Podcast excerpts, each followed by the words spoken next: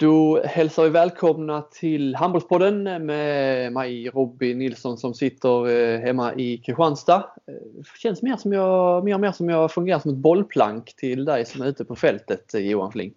Ja. Hur är det i Frankrike? Jo tack, det är bra. Det är bra här. Bortsett lite bitter över ett långsamt nät här på hotellet. Som för övrigt är ett fint och bra hotell. Men, så jag har inte kunnat se Frankrike-Ryssland som nyss eh, var färdigspelat. Den visades inte heller på någon av de 25 TV-kanalerna som finns på hotellet. Så att eh, i övrigt är det jättebra. Eh, taggad inför ännu ett mästerskap.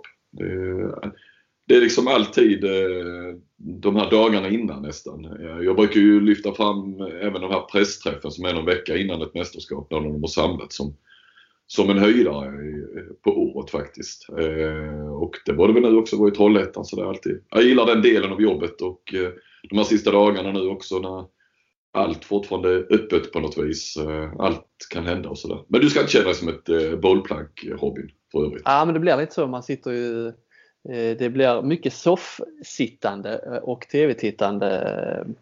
Man är, inte ute, man är inte ute i verkligheten. Man börjar längta tillbaka när man har varit hemma några månader. Eh, ja. ja. snart är jag tillbaka också. Det ska bli skönt. Ja, det förstår jag. 7, 7 januari. 7 januari. Då, eh, Kristianstad blir aldrig så likt igen. Nej. Eh, men, men jag får säga, för, ja. jag bara säga ändå där med TV-soffan. Jag hade ju gärna sett att du hade varit här och på plats på, på herrmästerskapen också. Det är väl då framförallt du brukar blogga från TV-soffan. Nu ska vi inte här hålla på och klappa varandra på ryggen för mycket men du är bra från TV-soffan också i bloggen. Nu, du har ju det där TV-perspektivet. För en annan som är på plats är det jäkligt givande faktiskt. Du har inte sett en eh, TV-sändning från ett handbollsmästerskap på uh, rätt länge va? Ja, Sverige har ju missat något. Ja, alltså. men jag menar liksom... Om man har kommit hem när Sverige åkt ut sådär. Men nej, eh, jag har ju inte sett Sverige, nej. Till exempel. Nej. I ett mästerskap på, på länge. Vi kan ju återkomma till det. Du, du, har väl varit, eh, du har inte lika många mästerskap i ryggen som eh, firma Perlskog och, och Helgen va? De Nej. har ju förlängt nu. Vi har satt kör på några år till. Eh, blev väl klart här eh, för några dagar sedan. Och eh, du har eh, snackat lite med, med honom som vi återkommer till i podden också. Eh, men du, hur, många, hur många mästerskap är du efter helgen? Jag är lite os... Vad var jo förresten? Var inte han uppe i något 35 eller 36? Jo, jag tror, ja. ja, då är jag 10 bakom ungefär. Det finns chans att ta igen det. Eh, ja, då får man. De är ju ändå, vad, vad, har de säkrat upp tre år till eller någonting. Ja. Eh, hoppas jag var med så länge men sen ska man då köra ytterligare ett antal år och eh, Sen har ju Hellgren en, en hel hop som både spelare och, och förbundskapten och så. Han har varit i USA och sådär. Så att, eh, han, har ju, han har ju fler än så på plats om man säger.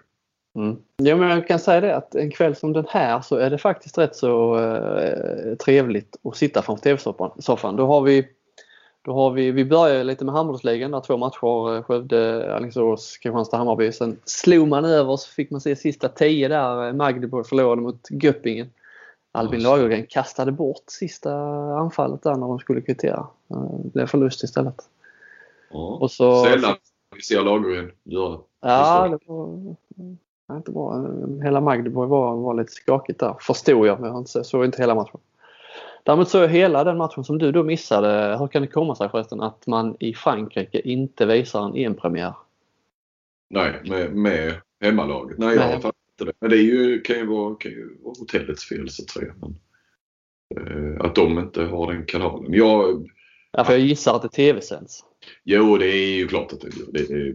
Så måste det bara vara. Men jag har inte vinnlagt mig om att ta reda på vilken kanal. När jag såg att den inte visades här plus att jag, jag tänkte att jag skulle sitta och, och jobba och skriva också. Så det var inte det att jag begav mig ut på jakt efter en sportvara för att se det. Så desperat var jag inte. Men så försökte jag ju då. Jag trodde ju att jag skulle gå via nätet också till slut gav vi upp och, och, då var det en bra bit in i matchen och jag skulle jobba och sådär. Så att, eh, men det har varit fint att ha haft den på i bakgrunden. Eh, allra helst då kanske med svensk eller dansk kommentator som man ändå hade kunnat lyssna, lyssna på matchen på så sätt.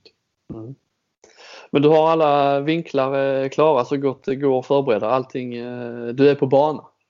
Ja, men det känns nog så ja. Ja, det gör det. Det är väl inga, inga, inga märkvärdiga vinklar till imorgon. Sådär, utan, Uh, vet inte, kanske berodde på mig. Jag fick inte igång någon hets mellan uh, svenskorna och danskorna. Vet inte heller riktigt. Jag var, jag var nog blek idag kanske på, på press, var pressträff med Sverige först och sen med, med Danmark. Så läste jag vad jag bara gick tillbaka och se vad jag skrev inför VM-kvartsfinalen. Men det, det är klart, då var det ju mitt inne i turneringen. Det var lite hetsiga på något vis. Då sa de ju jäkligt bra grejer om att eh, jag vet inte, det var någon danska som skulle slå ihjäl någon eh, svenska. Fast inte, hon menade inte riktigt så som vi menar i Sverige. Och, och Westberg sa att det skulle bli grisigt och eh, ja, det var lite mer så. Eh, då. De var, eh, ja, både jag och eh, spelarna var lite bleka idag. Så någon sån hets blev det inte. Nej. Men de var, det var öppna kort med skadade eh, Jörgensen där i Danmark eller att hon, hon ska vara med? Hon ska vara med ja. De eh, meddelade dem där att, eh, att hon kommer med. Så då fick ju faktiskt Guldén rätt. Det var nästan en vecka sedan hon sa det. Att, eh, när ingen väl trodde på, när det var snack om att hon kanske kunde spela senare i turneringen så, så sa ju Bella att nej, hon kommer att stå där i premiären. Sen får vi se hur mycket hon ska spela. De, de har ju alternativ så att eh, det är väl inte det är väl inte så, jag tror inte hon startar på något vis. Alltså hon, hon är ändå en bit efter eh, Guldén. Alltså, eh, Stina Jörgensen har inte spelat på en och en halv månad handboll överhuvudtaget. Eh, vi börjar med lite med EM ändå men vi, eh, vi tänkte väl egentligen börja på hemmaplan.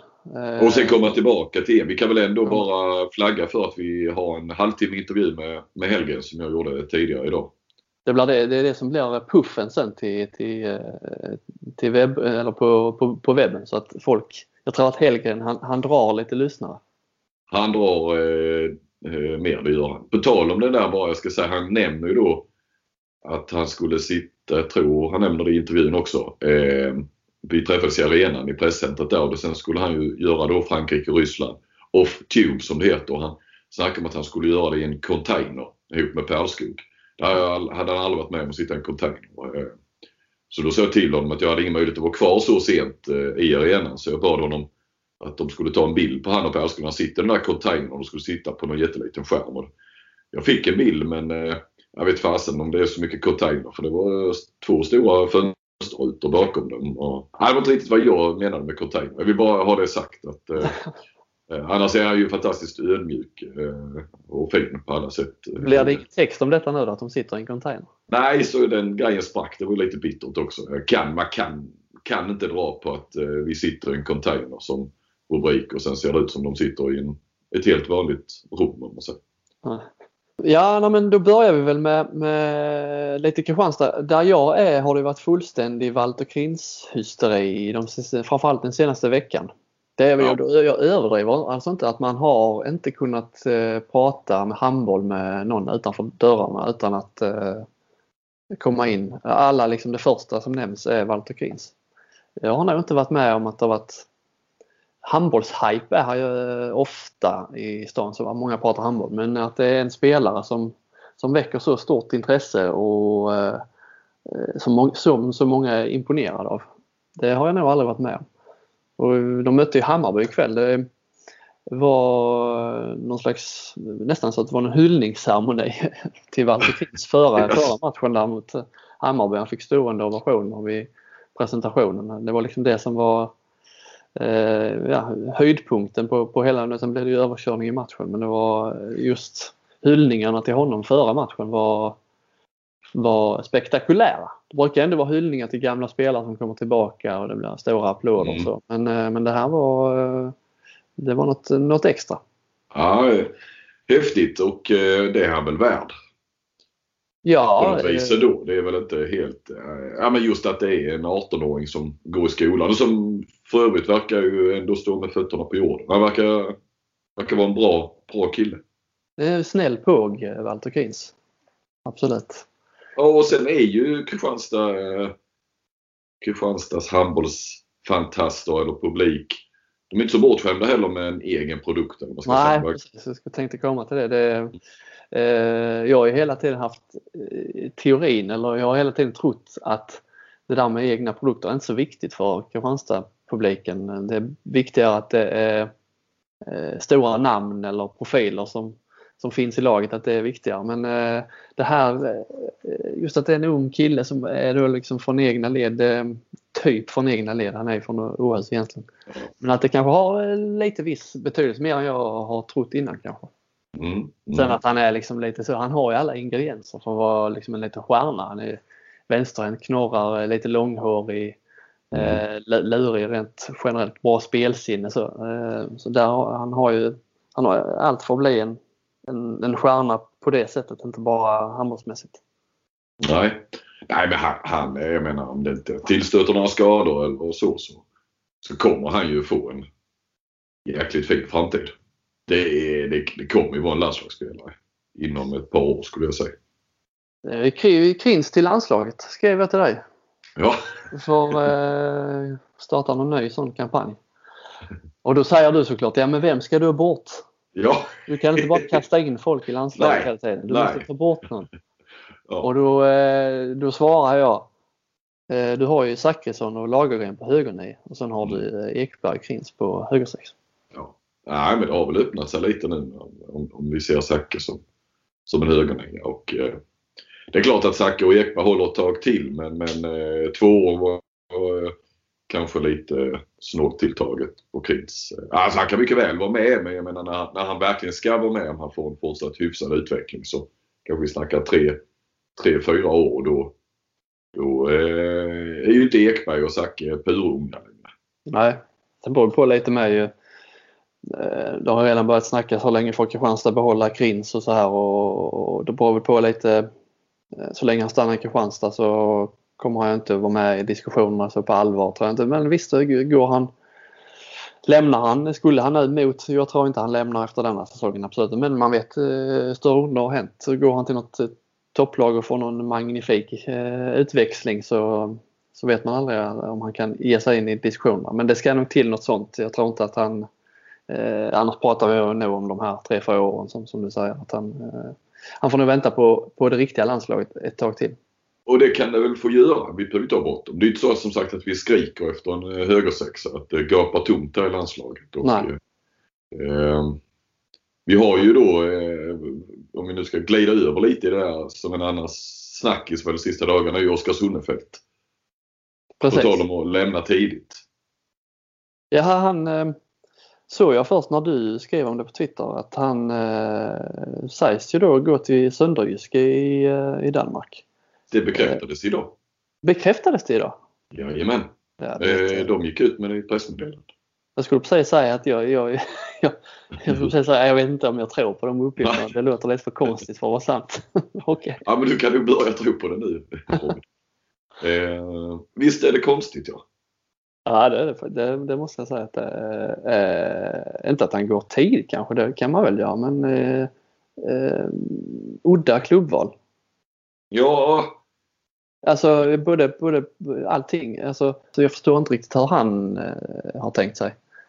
Varför, varför det blir sönderrysk jag har svårt att förstå det. Vad som, vad som, eh, vad som skulle vara, vara bra där. Sen förstår jag inte hur Ja, jag, vet, jag förstår inte hur Sävehof har kunnat eh, gå miste om att behålla honom så tidigt. Det måste vara något som, eh, det är något som inte stämmer. Liksom.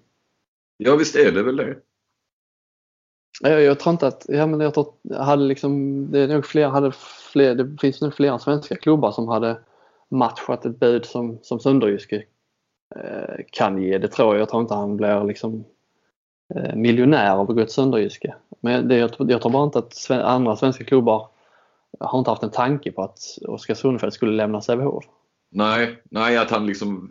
Att nej, han fanns ute fanns... för, alltså att han var ute på marknaden. Nej, och Sönderjyske vad jag har förstått, det är ju inte så att det är, att det är något eh, projekt eh, som är i farten heller. Att, att liksom, de tydligt är den nya storklubben i Danmark som utmanar Skjern och ja, Skjern går inte så bra i ligan just nu men, men eh, eh, jag vill ju se saker om man hade gått till ett Champions League-lag åtminstone i Danmark då eller? Eh... Ja men för de har väl legat på nedre halvan i, i Danmark de senaste Ja, 11 senast. De gått ut hyfsat som är femma. Eh, Handbollskanalen har ju gjort en intervju med, eller snackat lite grann med, med Sunnefelt. Ska vi dra bara eftersom du nu då i realtid får höra Eh, jag har träffat deras tränare och sportchef. Det kändes bra. De har en plan för att utveckla mig. En stabil klubb och ett hyfsat ungt lag där jag kan få stort förtroende. Eh, du går från en stabil klubb i handbollsligan till ett danskt mittellag. Är det helt självklart att nivån blir högre. Så känner jag i alla fall. Den danska ligan är bättre. Man andas handboll i landet. Bättre motstånd och allt går snabbare. Eh, ja. Nej, ja. Men inget om varför vill han lämna Sävehof? Nej, jag menar vad, vad, vad, får han där som han inte får? Eh, och jag, jag reagerar liksom på... Jag tycker ändå att det är tidigt också och sen så som klubbvalet är ännu konstigare men det är ju inte heller... Alltså det är ju Sävehof som är väl kanske den, den med näst störst resurser om man vill i, efter i Kristianstad på här sidan. Mm. Det, det, är inte så heller att det liksom är pengar på det viset. Och, och det är klart att han får högre lön där men, men jag menar han är ju 20 år och alla är övertygade om att han har en strålande framtid. Det är inte så att det här är, han hoppar på, på det här för att kunna tjäna lite pengar något år eller två. För att sen kanske han inte får göra det. Nej, ja. Eh. Nej, det var, det var faktiskt eh, ja, det var överraskande. Ja, och jag hoppas inte att det är en trend i, varje fall. Alltså, Nej, men just det här. Individuella valen, man vet inte hela bakgrunden men det är lite det jag vill åt. Jag twittrade där att är det där vi har hamnat? Att att vi har innan har vi pratat om att det, liksom, vi har fått fler sådana här typ, att det, vi har fått fler övergångar där stjärnor i vissa lag, sämre lag, går till bättre lag inom Sverige istället. Mm. Eh, typ Nils Pettersson eh, det var senast, alltså från Hammarby till Malmö. Det, det, har vi ju pratat om att det är, en, det är en sån utveckling vi vill ha. Inte riktigt, eh, det här var, det var ett bakslag till vår teori kan man säga. Ja, och att man stannar lite. Vara, det måste vara ett, eh, ett, slags, ett ned, rejält nederlag för Sävehof. Att de tappar, du har varit inne på det, eller vi har varit inne på det tidigare, de har ju tappat rätt många talanger tidigt till andra lag som har blommat upp. Det här kan inte riktigt samma sak. Eh, att de, att de går, nu har han ju redan varit bra och hunnit bli bra i Sävehof men ändå att man liksom inte kan behålla sina talanger eh, i större grad. Ja. det är märkligt. Ja, ja, vi får se om vi kan få reda på någonting mer där varför. Det har gått så snabbt och det har ju varit fokus på EM och du är ledig och sådär. Så jag har inte ägnat så mycket tid åt det, mer reflekterat över det märkliga i det. Ja, nej det var det skumt. Men vad tror vi om Kinst? Säg att han var, var, var, om vi landar tillbaka på honom, eh, han skulle han inte kunna vara den naturliga ersättaren till, eh, till Ekberg i Kiel? De har ju ja. visat lite fortsatt intresse för, för att värva, värva svenska talanger. Mm. Eh, nu står det stilla. Flensburg tänker jag på. Värva gärna från Skåne. Mm. Eh, mycket svenskt där också. Heinekarlöven mer och mer. Jaha. Så ut nu som Lagergren kanske. Det är ju först om ett och ett halvt år då. Ja, jag såg det. Eh, Andersson gillar Lagergren uppenbarligen. Ja, Eh, men det var väl snack om att Ekelöven försökte få loss honom redan inför den här säsongen va? Ja, de ville ta över, precis ja. ja, ja. De ville ta över eh, dealen. Mm, mm. Men de har ju, vem var det, Kirkelöcke de hade värvat också va? Ja. Ska, mer och mer skandinaviskt. De har ändå haft dansk tränare innan men eh, det känns som att det blir ytterligare ett snäpp med, med Andersson. Ja, de har ju svängt där. Nu är det ju många år sedan, men jag tänker när Ola Lindgren var där, då var det ju rätt mycket, mycket östeuropeiskt och sådär. De, det är ju först de sista åren som det har blivit mer skandinaviskt egentligen. Mm. Sen har de haft då eh, någon norrman och isländare. Alexander Pettersson har varit där länge och dansk tränare och lite så såklart. Men inte den där tydliga skandinaviska prägeln har inte varit utan det har varit mer, eh, mer gamla Östeuropa. Mm. Det förr i alla fall. Mm. Ja, um anledningen till att vi landade på Krins var väl egentligen eh, ha lite Champions League. Kristianstad har gått eh, ganska svagt i ligan eh, på bortaplan i alla fall. Tre raka förluster hade de där men så har de ju slagit både Vesprem och Montpellier, men Montpellier senast. Eh, och mot alla odds är de ju med i den där gruppen. Ja det är ju rätt otroligt. Ja, Fem poäng. Alltså. Nej. Eh, och nu är det ju liksom Eh, nu är det inte det är mindre än hälften av matcherna kvar. Eh, de har Brest kvar att möta, visserligen på bortaplan men och, eh, det kan ju räcka liksom skrälla en gång på hemmaplan och, och ta Brest borta i mm. sista matchen. det kommer att bli jättetufft. Det kommer väl kanske inte att gå men, men framförallt efter starten med så tänkte man att det skulle vara kört och som vi har snackat om att det är ju alltså det är verkligen dödens cup. Ja. Även om Montpellier har visat sig vara sämre än vad man trodde på förhand så ska man inte mm. ta ner Kristianstads insats för den matchen de spelade i Frankrike var ju anfallsmässigt den bästa jag har sett på, på eh, även om de gick vidare i fjol så tror jag inte att de gjorde någon sån. Det var liksom, de gjorde 60 minuter bra anfallsspel mm. eh, på nivån man inte har sett eh, tidigare tycker jag alltså. Så det, jag blir riktigt imponerad av, av, av den matchen.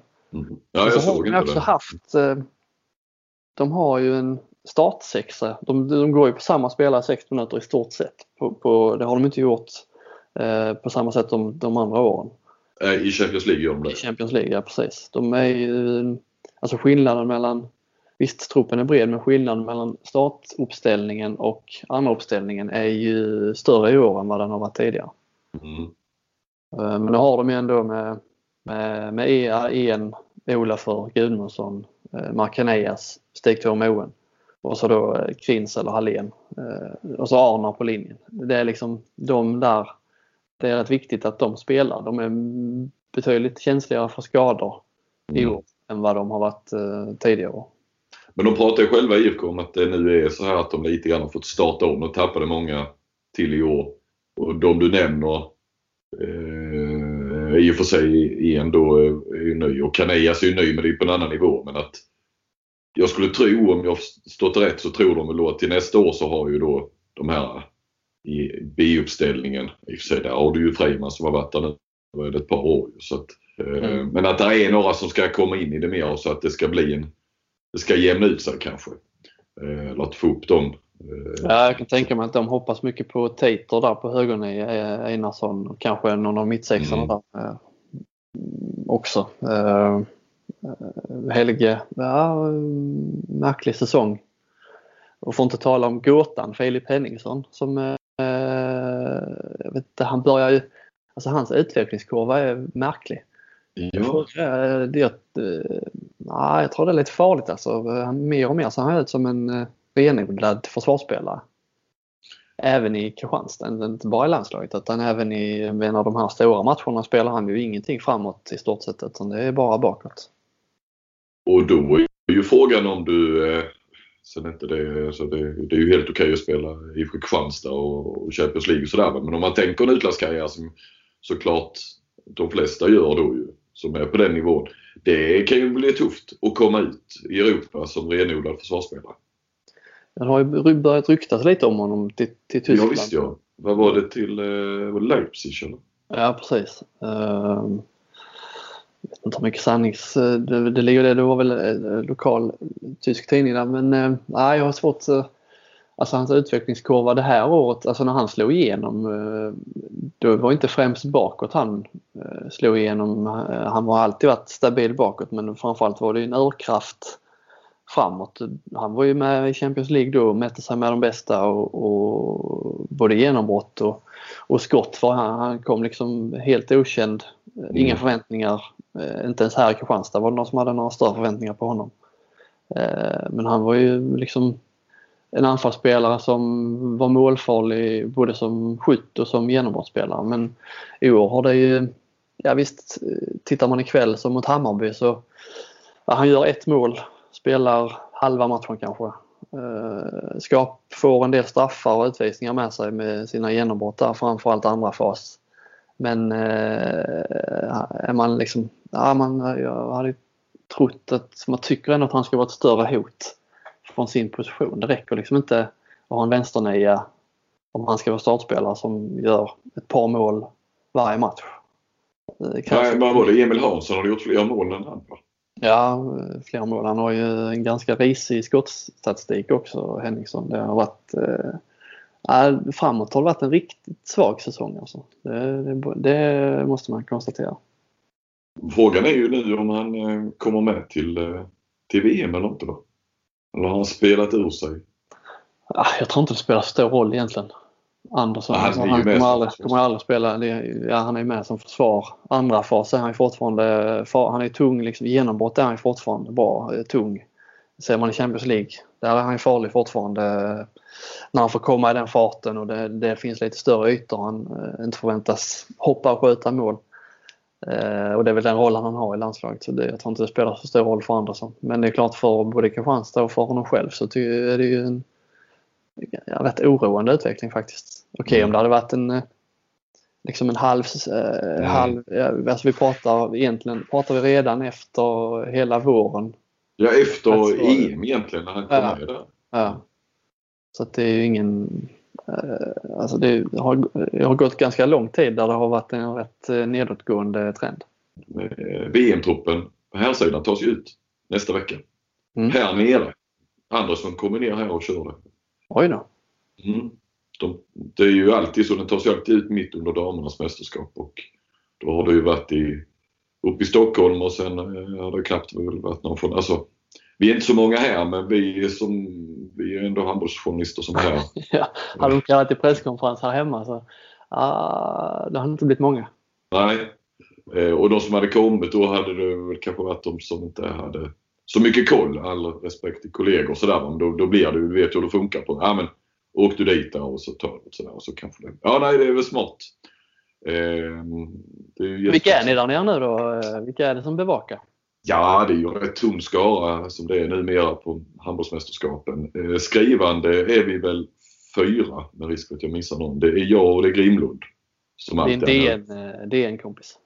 Precis. Och så är det Daniel Kihlström från TT som vill göra sitt första handbollsmästerskap. Och så är det Fredrik Palmqvist, Handbollskanalen. Mm. Eh, så det är vi och sen eh, Radiosporten med tre på plats. Vadan detta? Ja, en eh, kommentator, en expert och en ljudtekniker. Är det så enkelt? Nej, de har faktiskt en reporter, eh, alltså intervjureporter och så är det Paul Schürrer som är kommentator och så experten Kristina Ström. Så att, eh, nej men de är det varit... Schürrer alltid? Är inte Per Karl... Eh... Per Karl kör, på senare år så har Per Karl kört herrmästerskapen och Paul Schürrer dammästerskapen. Om jag inte är helt fel. Sen Mats Dahlberg har också gjort en del dammästerskap men han åkte ju på en, det var väl en stroke, en rejäl smäll här för ett och ett halvt, två år sedan. Nej då. Ehm, så att han, jag tror inte han är tillbaka och jobbar. Så att det är, nej så brukar det vara. Men de senaste, det här nu när det har varit VM och Discovery har haft dem så har ju inte Radiosporten eh, haft någon eh, alltså rättigheter så de har inte kunnat sitta på arenan och kommentera. Så då, som senast så var det ju Per Karl och Magnus Wislander var på plats men då gjorde Per Karl bara eh, radio eller intervjuer och så. Mm. Och Expressen har kastat in handduken. Ja, de, det har de. Det är väl bara skidor som gäller där nu på vinterhalvåret förutom fotbollen och hockeyn. Eh, och som vanligt så är det nej. Och sen är det ju inga, det är inga lokal Göteborgs-Posten och Sydsvenskan och sådär. Det, det är många år sedan nu de var med på ett mästerskap utomlands. Det är en ganska dyster bild av eh, den här mästerskapsbevakningen. Ja, ja men så är det. SVT är här med, med en ensam reporter som då gör allt. Eh, och, eh, och sen har vi ju då, vad ska man säga, Viasat, alltså TV3, TV10, Viaplay. De är ju, de är ju många. Mm, ja, såklart. Men okej, okay, men SVT är på plats ändå. Det har de ju fått lite kritik för tidigare att de inte har varit, varit med i matchen eh, från början. De är, tidigare har det väl, i alla fall det var förra herrmästerskapet, det var, kom väl Expressen ner till slut och SVT kom väl ner efter ett tag va? Ja, så var det nog ja. Eh, det sägs att Expressen ska komma ner om det tar fart men då, då krävs det nog någonting extra. Det är ju en jävla jämn handbollsligatabell. Karlskrona slog ju Malmö nu eh, härom, häromdagen. Eh, Karlskrona har ju tungt nederlagstippade inför säsongen kan man säga. Eh, nu är de ju till och med uppe på eh, säker mark. Ja. Före Guif, före Önnered, Hammarby, AIK. Eh, de, jag såg delar av matchen mot, eh, mot Malmö. Eller ja, det, det, det måste man nämna eh, kommentatorn eh, Han, jag vet inte, eh, vet inte alls vem det var, känner inte igen rösten. Han kallade alltså Dan Beutler för eh, Butler hela tiden. Ut mot kanten, där flyger man fram och en räddning utav Butler. alltså han måste ju ha, om man själv har skrivit ner namnet, eller vänt, alltså han tror det stavas B-U-E-T. Eller något. Ja, jag försökte, jag försökte eh, formulera hur, hur, alltså hur man skulle stava hur han sa namnet. Men ja, ja, men jag såg det. Det twittrades lite muntert om det ändå. Både för dig och någon annan. Ja, det var kul. Men de var, Karlskrona imponerade. Riktigt bra. Ja. Firm har fått, eh, med de stora armarna, har fått fart på eh, nederlagstippade gänget och det är viktigt med att de, eh, tycker jag i alla fall, att de stannar kvar. Nu får de ju en ny arena kan bli lite boost. Behövs, behövs Blekinge handboll, inte bara Skåne. Absolut. Nej, men jag tycker väl så här långt eh, kanske Knir eh, årets tränare i handbollsligan. Sett till material och, och så. så. Sen så kommer det säkert komma en dipp här. Nu gäller det bara för dem att ta så många poäng som möjligt medan de har lite, lite flyt eller så. Mm. Ska vi eh, komma tillbaka till, till EM då? Mm. Ryssland vann ju mot Frankrike, det kanske vi ska säga. Lite oväntat. Uh, hemmanationen förlorade. Det kan ju visa sig bli rätt viktigt där. Uh, de lär väl gå vidare ändå till mellanrundan, båda de lagen. Uh, där Sverige, Sverige uh, förhoppningsvis väntar då. Men det kan ju bli tunga poäng där för Frankrike.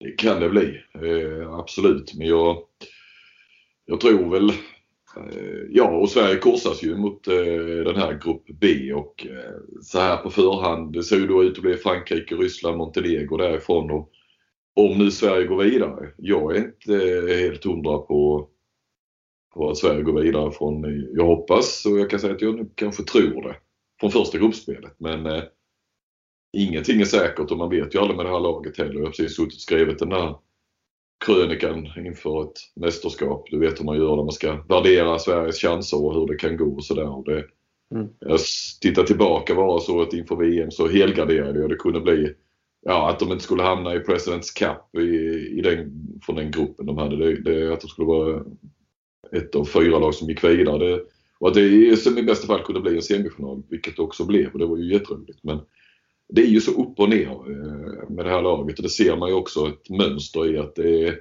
det varvas alltså rätt så tydligt, tydligt mönster med det är rejäla Ja, det är fiasko, eh, succé i nästa mästerskap och sen är det ett misslyckande i mästerskapet efter. Och sen är det kanske ett, ett misslyckande till eller lite mellan sådär godkänt, knappt godkänt. Och sen ett eh, fiasko och sen succé igen och sen eh, ett misslyckande. Så det, ja, om man går tillbaka 10 år så finns det ett tydligt mönster. Jag skriver lite grann om det där imorgon. Och Sverige har, nu ska ju Helgen få lägga ut texten och han ska få tippa tippa hela EM. Eh, kan, vi kan ju säga så, avslöja så mycket som att han tror att Sverige går vidare. Mm. Såklart. Det tror jag också men, men det är ju inget, det är ju ingen slagpåse i, eh, i, eh, i, i gruppen så som ja, man har haft Tjeckien eller tycker också jag ser Slovenien som till exempel svagare än, än, än Polen. Så de verkar rätt rädda för Polen när man pratar med Men de kan lika gärna vinna mot Danmark. Ja, ja. Alltså... Det är inte heller, det är ju inget Norge, Frankrike eller Ryssland. Eh, Nej. Så, så Sverige kan absolut, de kan precis lika gärna gå vidare med fyra poäng. Eh, som går vidare med noll poäng eller nästan blir fyra. Det blir ett plus två från oss då.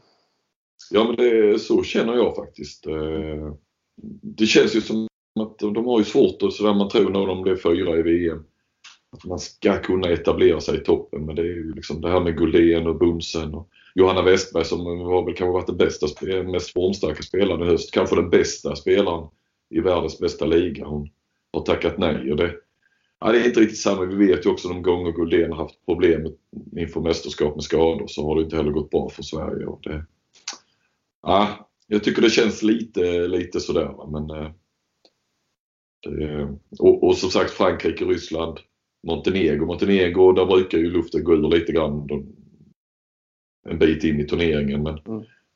eh, Frankrike Ryssland är, så är alltid tufft, svårt för dem. Kan ju vara så här på nu när Westberg inte är med.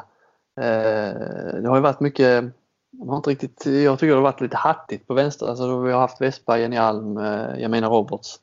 Man, mm. man, har inte riktigt haft klart för sig vad, vem som är första val där. Eh, det har många som har, alltså de har fått speltid, ofta med alla tre. Eh, vi vet väl fortfarande inte vem som är första val där om inte du har fått eh, luskat fram något eh, på pressträffen. Vem är nummer ett på vänstern? Nej, inget jag vet men jag bara förutsätter att det är Jamino Roberts. Mm. Nej, men att om han får någon slags tydligare Mm. Det kan bli någon tydligare etta som, som känner att nu är jag etta, nu, nu, kan jag, nu, nu är det liksom jag som kör, jag har råd att vara lite halvkass i, i någon match. Jag, jag har ändå etta att det kan kanske bygga upp något. Jag vet inte om det är en, en, en ton förhoppning men eh, det finns, man, kan, man kan välja att se ljuset. Ja, ja och, och där finns ju Anna Lagerqvist till exempel tror jag jättemycket på i detta mästerskapet. Och, eh, jag menar Anna Hagman. Tror jag mycket på. Ja. Eh, mm.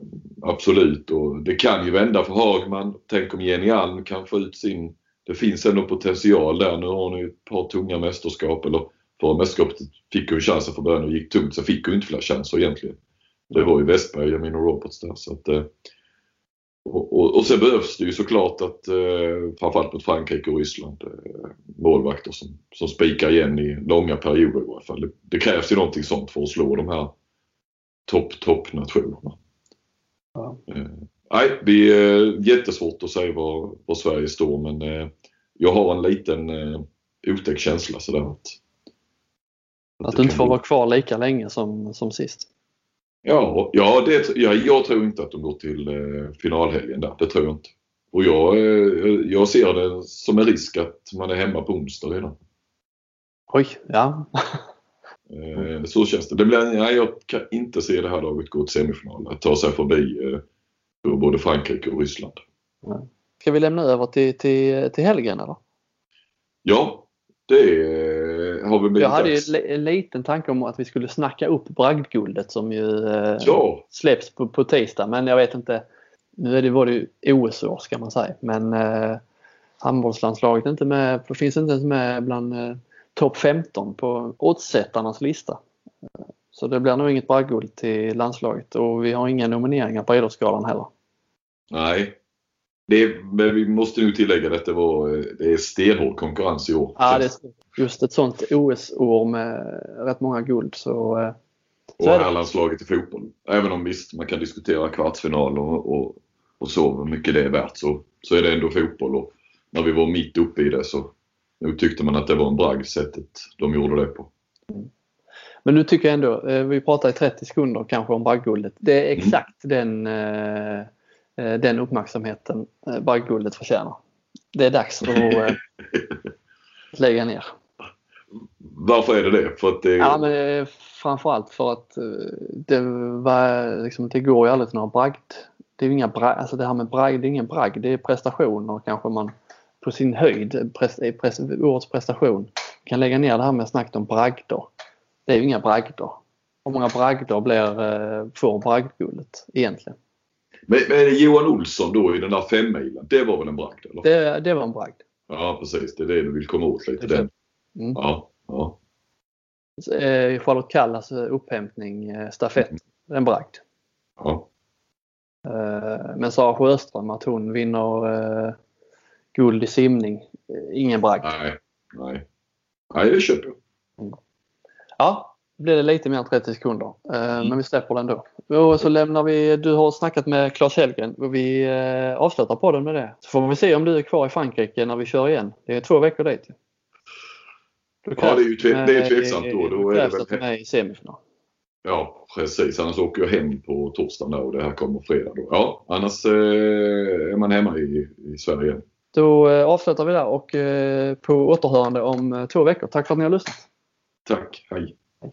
Ja, Claes Hellgren, vilket mästerskap i ordningen är det som på plats som expert? Kan du? Nej, det kan jag inte. Men eh, det har ju... Ja, det måste ju närma sig. Som expert måste det vara 40 någonstans. Ja. Eftersom jag var med SVT från början. Och sen var det TV4. Och sen så när jag skulle sluta så blev det Viasat. Mm. Och så köpte ju de ännu mera nu. Så att, ja, det är många. Och du Perlskog kör några till här som vi kunde rapportera. Ja det, det, ja, det var ju snällt att prata om det men det, det handlar ju hela tiden om att, att det är en ynnest. Eh, det kanske låter som du tror att jag skojar med det men det är ju en ynnest att få komma och, och, och se spelarna. Och nu har man ju snart sett liksom jag vill säga mammorna när det gäller tjejerna då till, till de som, som spelar nu liksom. Och en ny generation utav spelare. Framförallt en utveckling hela tiden på, på spelet. Om jag skulle sätta en, en, en dator där man tittade på första gångerna som man tittade på mästerskapen och så sätter man en dator på de här. Så, alltså, när mitt eget lag som ändå var jäkligt bra eh, eh, så ser det ju dåligt ut. Men går vi lite längre tillbaks och tittar på, på hur det ser ut idag så går det ju så otroligt fort alltså. Alltså det går mm. så oerhört mycket fortare och, och där är ju Ja, det, den utvecklingen. Eh, jag vet inte om det, om det går åt det hållet att man blir Balic istället. Att man går lite tillbaka. Pendeln slår tillbaka. Ja, och att man går ner i tempo och växlar istället. För att hur som helst, farten är ju avgörande. Jag såg en match mellan Guif och, och Sävehof igår. Ja. Eh, och där gick ju Guif eh, och spelade hur sakta som helst liksom och bara försökte spela på klokhet. Men, men jag undrar om, ja, då får man vara som Balic om det ska gå liksom. Ja, vi kommer tillbaka lite till eh, trender och sådär kanske. Ja. Men om vi börjar bara nu så här. Det är ju bara ett par timmar till du ska eh, kommentera första matchen. Men det gör du inte på plats. Det är Frankrike-Ryssland. Eh, Nej, mycket har man varit med om men i, idag sitter jag i en container med en skärm som är 13 eh, sådana här tum. Och, och så, så, sitter de hemma och tittar på en, jätte, en jätteskärm. Och då får man väl äta upp liksom att man inte ser saker och ting på det sätt som, som är. Men, men allt det har ju sin skärm och liksom att det är klart man får kämpa lite och det är som det är liksom. Ja, det handlar egentligen om att förmedla sporten liksom. Men är du lite sådär orolig att du ska missa grejer när du, under de förhållandena? Att man får sitta och titta på en liten skärm och de där hemma egentligen ser det bättre? Ja, det är man alltid jätteorolig för. Eh, oavsett om det är stor skärm eller liten skärm så, så är läget att man kan missa saker och ting som är intressanta. Men, men grundtesen i, i kommenterandet blir ju att kanske inte så mycket som det är så lätt att hamna i att man kör statistik och, och det här utan istället försöka förmedla att eh, eh, det som faktiskt sker på skärmen och då blir ju det här oerhört eh, avgörande. Annars kan man ju alltid falla tillbaks på att det var så så många skott. Ryan Reynolds här från Mint Mobile. Med priset på nästan allt som går upp under inflationen, trodde vi att vi skulle bring våra priser down. So to help us, we brought in a reverse auctioneer, which is apparently a thing. Mint Mobile unlimited premium wireless. Ready to get 30, 30, bit to get 30, bit to get 20, 20, 20, bit to get 20, 20, bit to get 15, 15, 15, 15 just 15 bucks a month. So, Give it a try at mintmobile.com/switch. slash $45 up front for 3 months plus taxes and fees. Promo rate for new customers for limited time. Unlimited more than 40 gigabytes per month slows. Full terms at mintmobile.com. Och räddningar och mm. sånt men Men det som man försöker göra, som, som åtminstone jag försöker göra, är att, titta på, på det som sker. Och det är lite svårare. Det är lättare att köra bara statistik. Du har aldrig suttit i en container och kommenterat det? Nej, inte, nej, det har varit eh, många grejer men, men inte det. De eh, tuffaste vi har haft var en gång i Makedonien där vi fick köra med Robbans, eh, ja han köper ju inte sista skriket i mobiltelefoner. Det var, det var någon gång där 2008 eller något sånt där. Ja, EM 2008. Ja, då fick vi köra med, med hans mobiltelefon. Och, och, det var också... Eh, och det var ingen iPhone eh, nej, X men, eller något sånt där? men alltså, du skulle ju ha sett det så hade du förstått att han var ju inte teknikfreak. Liksom. Ni satt på en liten gammal mobiltelefon? Ja, alltså det var världsrekord. Eh, då sa han bara, Robban, att det, det låter som det var i gamla tider när det här ljudet som var liksom, så han gillar ju det. Men men det tycker jag är svårt. Och vi har haft en 2007 där ingenting fungerade. Det gick ett väldigt fint VM för herrar i Tyskland. Mm. Då vi hamnade precis när det startade också att vi fick eh, köra över, över sånt. Och det är tufft. Men det är kul. Om vi kollar då eh, på EM här nu ja. ja.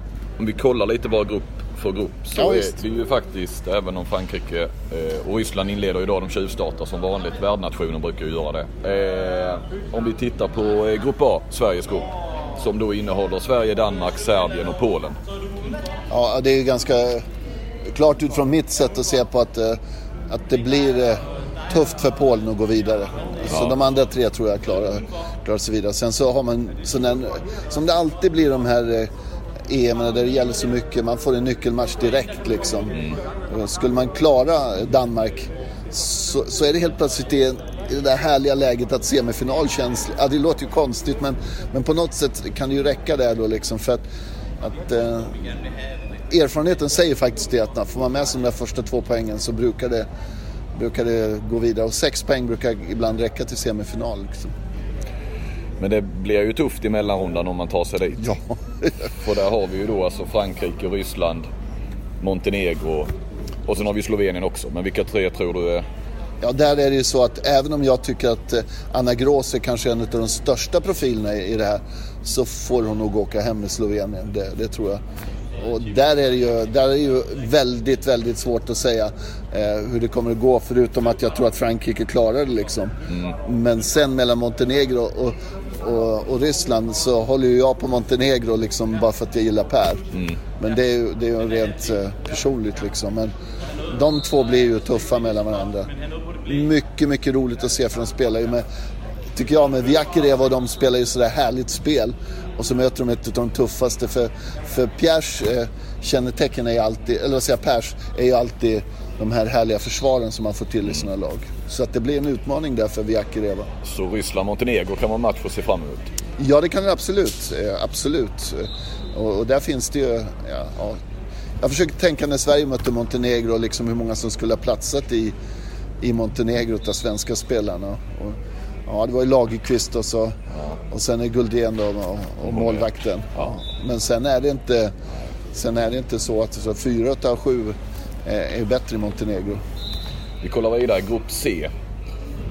Ungern, Spanien, Holland, Kroatien. Jag vet inte om jag sa dem i rätt ordning där så att säga.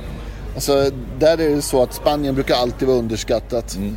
Men eh, de har spelare som de spelar på ett speciellt sätt och deras sätt att spela bygger mycket på allt det här som alla spanska tränare som vi har sett så mycket ute, speciellt på här sidan. Så de ställer till problem. Så har de ju eh, Humlan där i mål, liksom, hon som inte ska kunna vara bra. Som är 1,68 eller 67 och är så ruskigt härlig. Och hon kan ju ställa till det men men eh, jag tror att de klarar sig vidare och jag, jag tror att eh, Ungern med alla de skador som de har kan få det riktigt tufft. Mm. Det är väldigt synd därför för Ungern betyder så otroligt mycket för damhandbollen. Så jag tror att Kroatien eh, eh, kommer att klara dem där. Och så, så är det som att eh, holländare springer som tusan och det blir svårt. Ja. Och så Helle Thomsens kontringar, det är, det är inte något lag som har det egentligen. Och har du tänkt på det? Holland har haft, ungefär som Sverige hade på herrsidan, de har ungefär samma spelare på nio meter under lång tid. Och det kommer att göra det. Man spelar Laura van den Heiden och, och så Gråt och, och Pohlman. Då. Det blir svårt att ta hand Ja, de är bra. Men det är lite brist på mittsexor va? efter lite ja, skador. Och så är det. Är det någon graviditet också? Ja, alltså det där är ju svårt men alltså niometersspelet driver alltid mm. liksom hur bra med och, och försvarsspelet. Och, som det får de till försvarsspel så kontrar ju de sönder många lag. Och det Behöver de ingen mittsexa? Nej, alltså hon var jättebra. Bra heter hon va, som mm. slutar liksom. Mm. Men att sluta nummer 28, det är... Ja. Jag vill ju egentligen att tjejerna ska hålla på längre. Ja. Alltså det är lite synd eftersom handboll är en sport där man blir nästan lite bättre när man kommer över 30. Alltså. Mm. Eh, men du tror nog att Ungern ryker där då, grupp C? Ja, det är ju sensationellt att säga det, men, men med tanke på hur de såg, sett ut i de matcher som varit innan så får det hända mirakel. Kim Rasmussen är en rackarns bra tränare alltså. Men kan han få till det? Klas, du är ju så...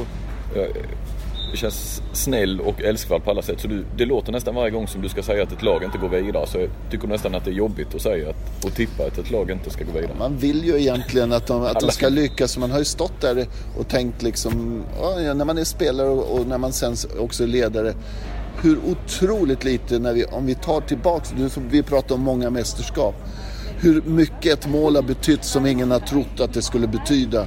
Till slut kommer det väldigt, väldigt ofta in till att det är den här ett målet eller två målet. Jag kan ju räkna upp hur många som helst där det har skett liksom sådana saker eh, under de här åren som jag har fått med. Och, som, och så vänder det. Mm. Och så helt plötsligt.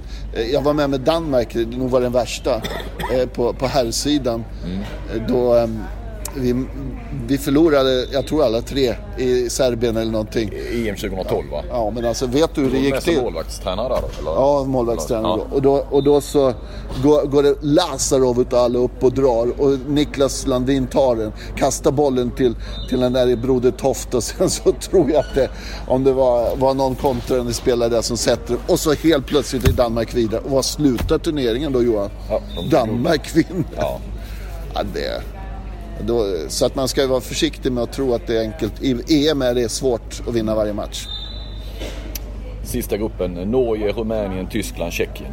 Jag tror Tjeckien ryker där. Ja. Och jag, jag, tror att Norge är bättre än vad man tror trots att de är på tredje valet på höger ner så är det ingen dålig Sullan där. Och, och några sådana unga som, som kan eh, slå igenom då som har kommit fram. Mm. Eh, sen kanske man kunde hoppats att vi skulle ha fått sett ett till Mia Hermansson med då liksom. Men hon är bara reserv. Jaha, hon har en eh, dotter med där? Ja, Moa heter hon. Men hon oh, är 17 spelare då. Det var det jag menade med man har, man har haft ja, mamman ja, och så har man dottern. koll på det. Ja. Så, hon, så hon, är, hon är norska då så att säga? Ja, hon är bra. Landslaget. Hon, är, hon spelar i, i, jag tror det är Viborg nu. Hon, ja, hon, kom, hon var duktig. Men vi kan inte locka över henne till svenskarna. Hon är ju ändå två svenska föräldrar. Ja, Kurtovic hade jag ju gärna tagit förr i tiden alltså. Ja. Men nu gick hon och blev skadad. Men överhuvudtaget är det lite synd för Kurtovic var ju en sån som vi behövde. Ja. Nu har, har vi ju fått Blomstrand ändå. Om vi då tittar på den första halvan så att säga. Vilka går till semifinal då? Då har vi ju eh, Danmark, Sverige, Serbien va? Och Frankrike, Montenegro, Ryssland. Jag gjorde en sån här liten räkning då mm. när, innan, när du ringde och pratade med mig och tänkte att om Sverige ska komma femma, sexa så, så ja, vilket jag tror att de gör så kan det bli så att Danmark kan komma på en sjunde, åttonde och så, och så blir det ändå de från den sidan där mm. som tar sig vidare. Eh, det är väl lite... Ja, Frankrike kommer ju ta sig ja. till, till semifinal. Det, det, är med Ryssland tror du? Ja, ja, men Ryssland är luriga för Trefilo vet man inte riktigt om Nej. man tycker att det här är viktigt. Nej, EM har väl aldrig... Eh, Jättedåliga resultat ja, liksom och konstiga liksom. Och så nästa turnering så, så slår de till. Mm. De är väl ändå ja, de har en chans. Men det kan lika gärna vara Sverige och, Sverige och Danmark som tar den platsen för dem om de inte lyckas nu i början. Danmark har ett lite bättre lag än vad de har haft eh, innan ja. tycker jag. Framförallt är de bra bakåt. Liksom.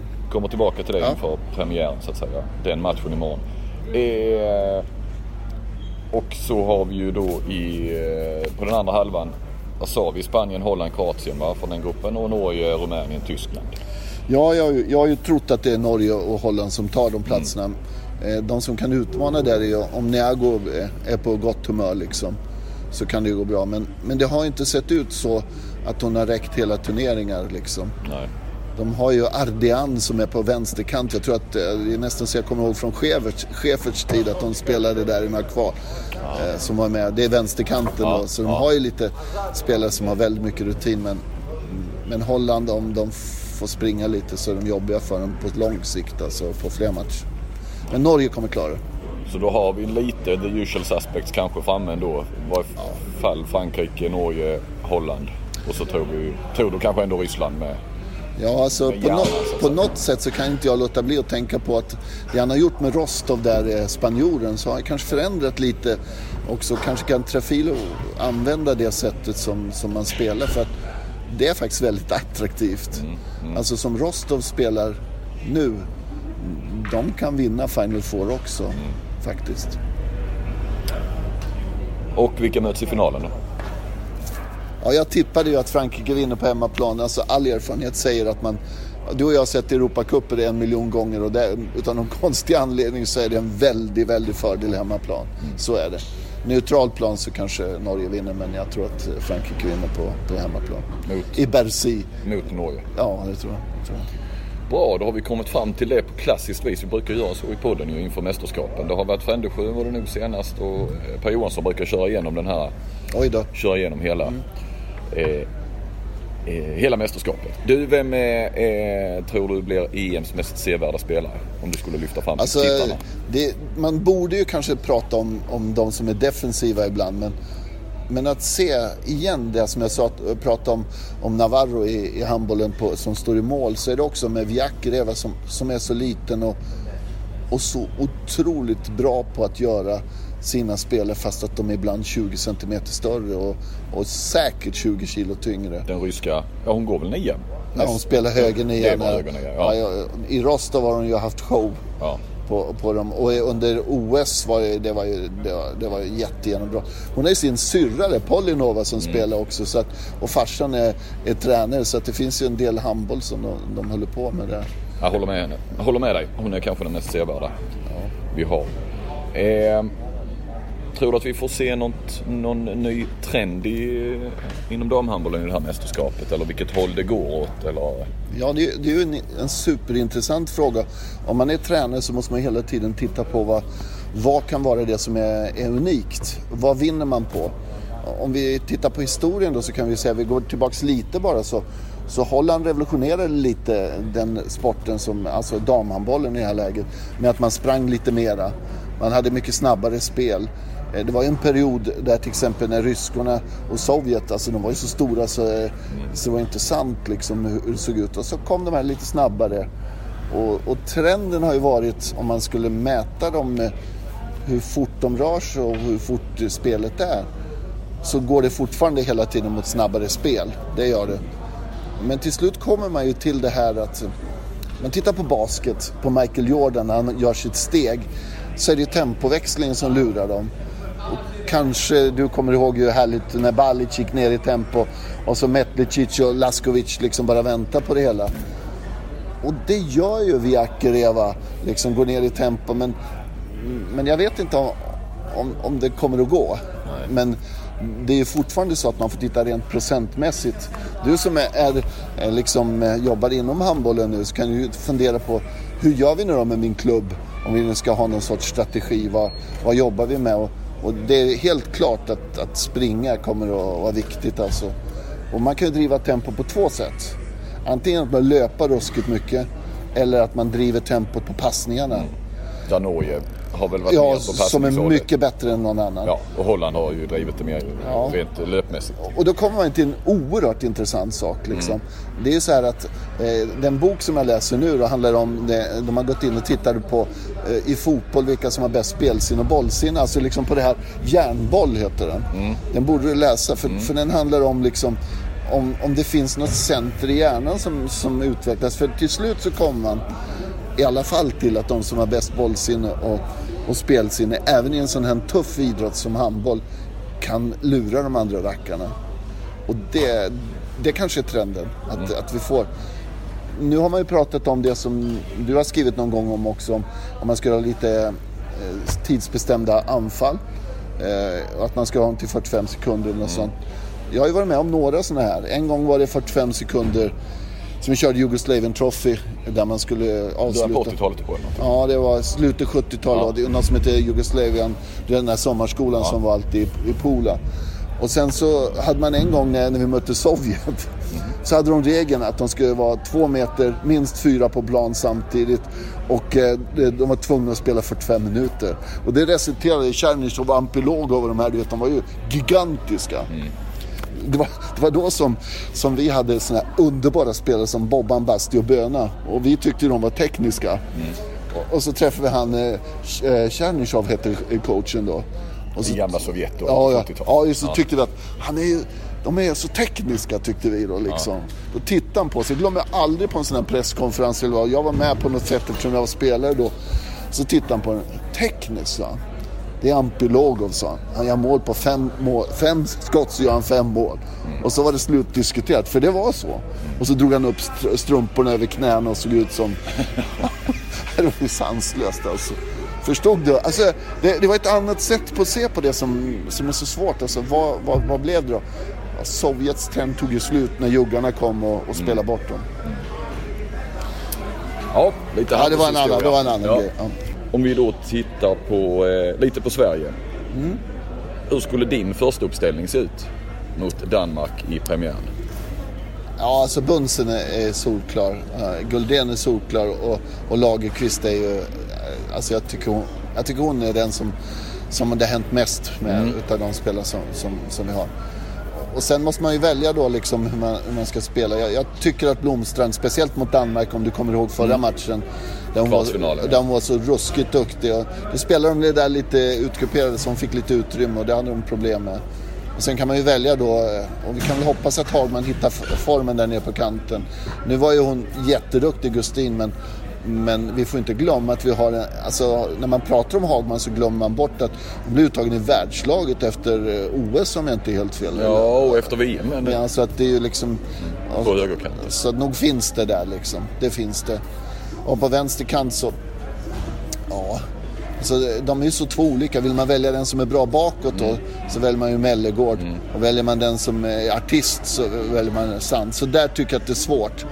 Eh, man brukar vara bättre att i det här läget välja, eh, alltså att man är säker bakåt, tycker jag då. Så på vänsternia, alltså det hade varit roligt om Westberg hade varit med. Mm. Hon är väl den som har varit formstarkast kanske i höst? Ja, jag gick in och tittade på den här MEP-ligan och, och när man tittar på dem och alltså hon betraktas nog som den bästa spelaren kanske till och med i Danmark. I den bästa ligan? Ja, så att det är klart att det är. Ja, vad tror du själv? Vem, vem startar vänsternia då? Nej, jag tror Jamina Roberts startar. Ja. Då blir det ju lite sådär favorit för mig då liksom. Därför att det som Jamina Roberts gör är ju något annat än, än det här klassiska. Hennes tempoväxling är ju just det som vi pratar om. Men då behöver hon nog Guldén bredvid sig väldigt mycket för annars så blir det lite för svårt. För att, eh, hon är en spelare som är en rollspelare. Vi såg också skillnaden på när Guldén driver spelet kontra när en mycket duktig Karin Strömberg driver där det blir lite mer lätt att se vad som sker. Så är det. Guldén har väl en, en dimension till i Ja. Sen finns det ju den där eh, aspekten med skador. Som en, du skriver ju ofta om dem och man pratar ofta om dem. Men, men någonstans så visar ju ändå idrotten ibland att det brukar vara svårt att kunna prestera när man inte har fått en bra träning innan. Och I eh, friidrott, om jag springer på på 10 sekunder och bara är en 90 procent och springer på 11 då är det ju liksom 5000 som gör det. Mm. Men i handboll så kan man gömma sig lite och i fotboll också faktiskt. Mm. Men det är ju på syvende och sist när det kommer till marginaler så så är nog eh, damhandboll i det här läget i EM så bra så att det krävs att man är på topp. Så jag är alltid lite tveksam och nu gjorde Bunsen och Bella bra grejer så. Men det är ju sju matcher eller kanske åtta matcher liksom. Som tränare är det jätteorolig eh, på sådana saker. För det borde vara så att, de, att det sätter ner kapaciteten. Claes, de vill ha med dig på köket med en gång. Ja, men jag kommer. Ja. Några minuter till. Ja, då. Ja. Eh, vad blir avgörande i matchen mot Danmark då? Avgörande, eh, det första är att man, man måste få håll på deras väldigt duktiga målvakter. Mm. Det måste man få. Och sen måste man nog klara... Ett av VMs bästa par Ja det tycker jag faktiskt. Mm. Jag... Norge är väl alltid... Ja de är bäst mm. kanske så. Men annars är ju hon Reinhardt är ju överlägsen alla kategorier i, i, i Danmark. Alltså nästan 10% bättre än de andra. Och Ändå sen, är det nog Toft som är första valet. Ja jag vet. Toft. Och Toft är rutinerad och bra. Henne har jag faktiskt eh, haft lite så jag känner henne väldigt bra. Men hon är skadebenägen. Hon har ju fått eh, tre, fyra nu till som har varit i huvudet på den här senaste matchen. Så jag är inte säker på att hon startar, men hon är bra. Mm. Sen är det deras försvar som, eh, som Claes Brun jobbar med. Det har blivit mycket bättre än det det var mot förra året. Mm. Eh, sen, det är ju det man måste luckra upp. Man får inte fastna. och Sverige är, ju lite, lite så att om de fastnar det blir tufft. Men Danmark har svårt att göra mål. Mm. Så att det kommer handla om hur vi lyckas offensivt mot dem i det här lite tuffa spel som Lars Jörgensen designat. Som är en av de bästa genom tiderna i Danmark på här sidan när det gäller mm. de delarna. Vad är han assisterande? Ja. ja, det ja. ja. Eh, Danmark ja. Eh, du menar vet jag att dansk damhandboll och ligan, och, eller damhandboll överlag är, är på gång igen? Ja, det är också en historia liksom att den första chansen att verkligen för svenska spelare, för många spelare, var ju att komma till den danska ligan efter den här otroliga succén under 90 90-talet och början av 2000-talet med Anja Andersen, Camilla Andersen, eh, Colling, Anette Hoffman, Tanderup, alltså eh, som, som inte hette Wilbäck då utan hette Susanne Munk Lauritsen. Alla de här de var ju, de, var ju, de skapade ju att Alltså det blev en liga där det kom, det, det vallfärdade folk Johan till matcherna. Jag kommer ihåg eh, där hon spelar, eh, spelade äh, Alm då, Johanna, mm. i Ålborg vet du. Mm. Det var ju 4-5 tusen på de här matcherna. Och det var ju otroligt tryck. En gång så vet jag att man tittade på vem som var mest populär person i hela, hela Danmark. Det var Anja Andersen liksom. Mm. Eh, och alltså, det är på väg igen. För då var det väl så att damerna tjänade mer än herrarna va?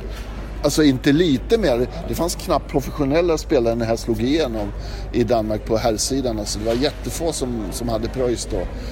Överlägset var ju hela tiden på damerna. Vad kunde de tjäna, de bästa där? Ja, de närmare två miljoner, två miljoner nästan tror jag Popovic hade där och, och systrarna Haraldsson och det hette de väl inte det va? Jo, det kanske de hette då. Per år då i Snackar ja. vi svenska eller danska? Ja, det, ja, det vet jag inte riktigt. Men det var den här eh, lönen som var att man kom över 700 000 och så mm. fick man mycket mindre skatt. Och det hade ju varenda spelare där. Ja. Viborg gick ju i bräschen där också. Men sen har det varit lite neråt? Ja, men sen har det tagit fart igen. Mm. Och idag kan vi titta på att vi har ju nästan en, ja, kan vi ha tio stycken spelare där nu. Mm. Och det är väldigt, väldigt roligt och väldigt kul att tjejerna får, får den chansen. Och, och jag som gillar både och måste ju säga det att det har givits en chans nu att vi, eh, att vi kan få för tjejerna eh, mycket bättre möjligheter att, att försörja sig. Mm. Och om man tittar på andra idrotter så tror jag att, att handbollen ligger väldigt långt fram när det gäller tjejer där. Mm. Och det är, ju, det är ju nödvändigt för att sporten ska utvecklas. För så var det även för herren. Var har, varför har de kommit tillbaka nu lite då? Alltså är det nya pengar som kommer in då eller? Ja, det har känts som att, att helt plötsligt så har det kommit, men de kommer ihåg hur det var under den här perioden. För det var verkligen hysteri. Mm. Alltså hur, hur duktiga de Ja, ja och de hade ju högre publiksiffror och mer tv-tittare än vad herrarna Alltså tv-siffrorna som Ulrik Wilbert brukar ju prata med mig ja. eftersom det är en kompis då liksom. Ja, alltså, vänta, hur, ja, förlåt, ja. ja det, var, det var ju sanslöst. Ja. Om vi hade haft dem liksom någon gång så då hade ju de på Viasat eller TV4 eller Discovery, de hade ju dött. Mm. För så mycket var det ibland. Men var du inblandad i, var du inblandad i damhandbollen i Danmark? Nej det var jag inte. Jag var eh, Sveriges förbundskapten där under en sväng när vi mötte de här. Uh, faktum är att jag, jag hade... Ja, då på 90-talet? Ja, 90-talet där. Ja. Jag hade faktiskt ett möte med dem där om, eh, om jag skulle bli förbundskapten i Danmark. Men det är väl en, en liten grej sådär bara. Men så var det. Var det då Wilbäck tog över istället? Nej. Nej, han slutade och så sa han att du, han tyckte jag skulle ta det. Ja. Så du hade fått ta över världens bästa där? Ja, så var det faktiskt. Men det, det, det är bara som det var. Jag stannade och var dålig i Sverige istället. eh, bra, du, en fråga till bara. Kan du... Hur, hur ser du på att, att vara expert på dammästerskap kontra herrmästerskap? Vilket är roligast? Eller om du skulle säga spelet? Eller... Ja, så för en gammal man som jag så är det mycket lättare att se allting när, när damerna spelar. För det går lite långsammare. Mm. Mm. Och det gör att det blir oerhört attraktivt att titta på. Och som, jag måste säga att jag tycker att det är, och det är verkligen från hjärtat att jag tycker väldigt mycket om att se på damhandboll. Ja, jag tycker också. Alltså det, på ja, något sätt det har det charmat mig ordentligt. Ja. Liksom. Sen kan jag tycka att när jag är på Final Four i Köln, mm. att, det, att det går inte att vara bättre. Och så tänker jag, hur kan de överleva? Tänker jag, när, ja. när man sitter där, för där sitter man väldigt nära. Mm. Där det är ofattbart eh, nära och se vilken fart det är. Och så tänker jag, när kommer första riktigt allvarliga skadan mm. med den fart som är. Men på damsidan så, så har det ju blivit, eh, ja det är väldigt attraktivt att titta ja. på liksom. Eh, eller kanske är för att jag inte hänger med så bra. Strålande Claes. Nu ska du hasta vidare va? Nu kallar de på dig igen. Ja, det är, det är någon, någon, någon, test, någon test på ljudet.